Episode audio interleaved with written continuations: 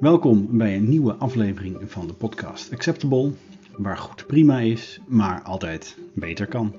In elke aflevering staan we kort stil bij een techniek die je zou moeten kunnen helpen om een nieuw idee te starten of een bestaande te verbeteren. En in deze aflevering hebben we het over het toevoegen van een trigger, of in het Nederlands op gang brengen.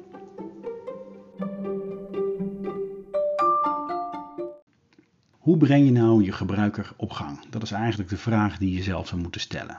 Want we hebben kleine duwtjes nodig op onze vaste paden om ons eraan te herinneren en te motiveren om actie te ondernemen.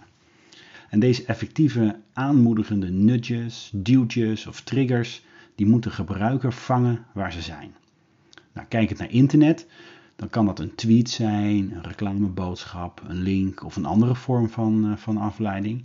En offline kennen we ook wel triggers. Bijvoorbeeld een trigger die iemand zelf kan instellen als een sms-alert of een herinnering. Dat je, weet ik veel, de, de, de boodschappen nog moet doen. Of iets wat je mee kan nemen, geprint, geschreven op een papiertje. Als herinnering om iets te doen of iets om mee te nemen, als dat pak melk die je zou herinneren om te gaan. En in de auto zien we die ook wel eens. Hè? Als je dan bent vergeten je motorolie bij te vullen, dan komt er een moment dat het rode lampje gaat branden. Check engine.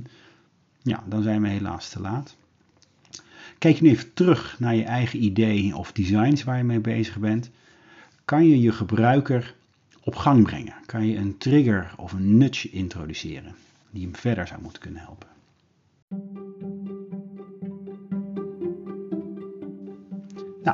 Dat was aflevering 2. Bedankt voor het luisteren en hopelijk tot snel, tot volgende.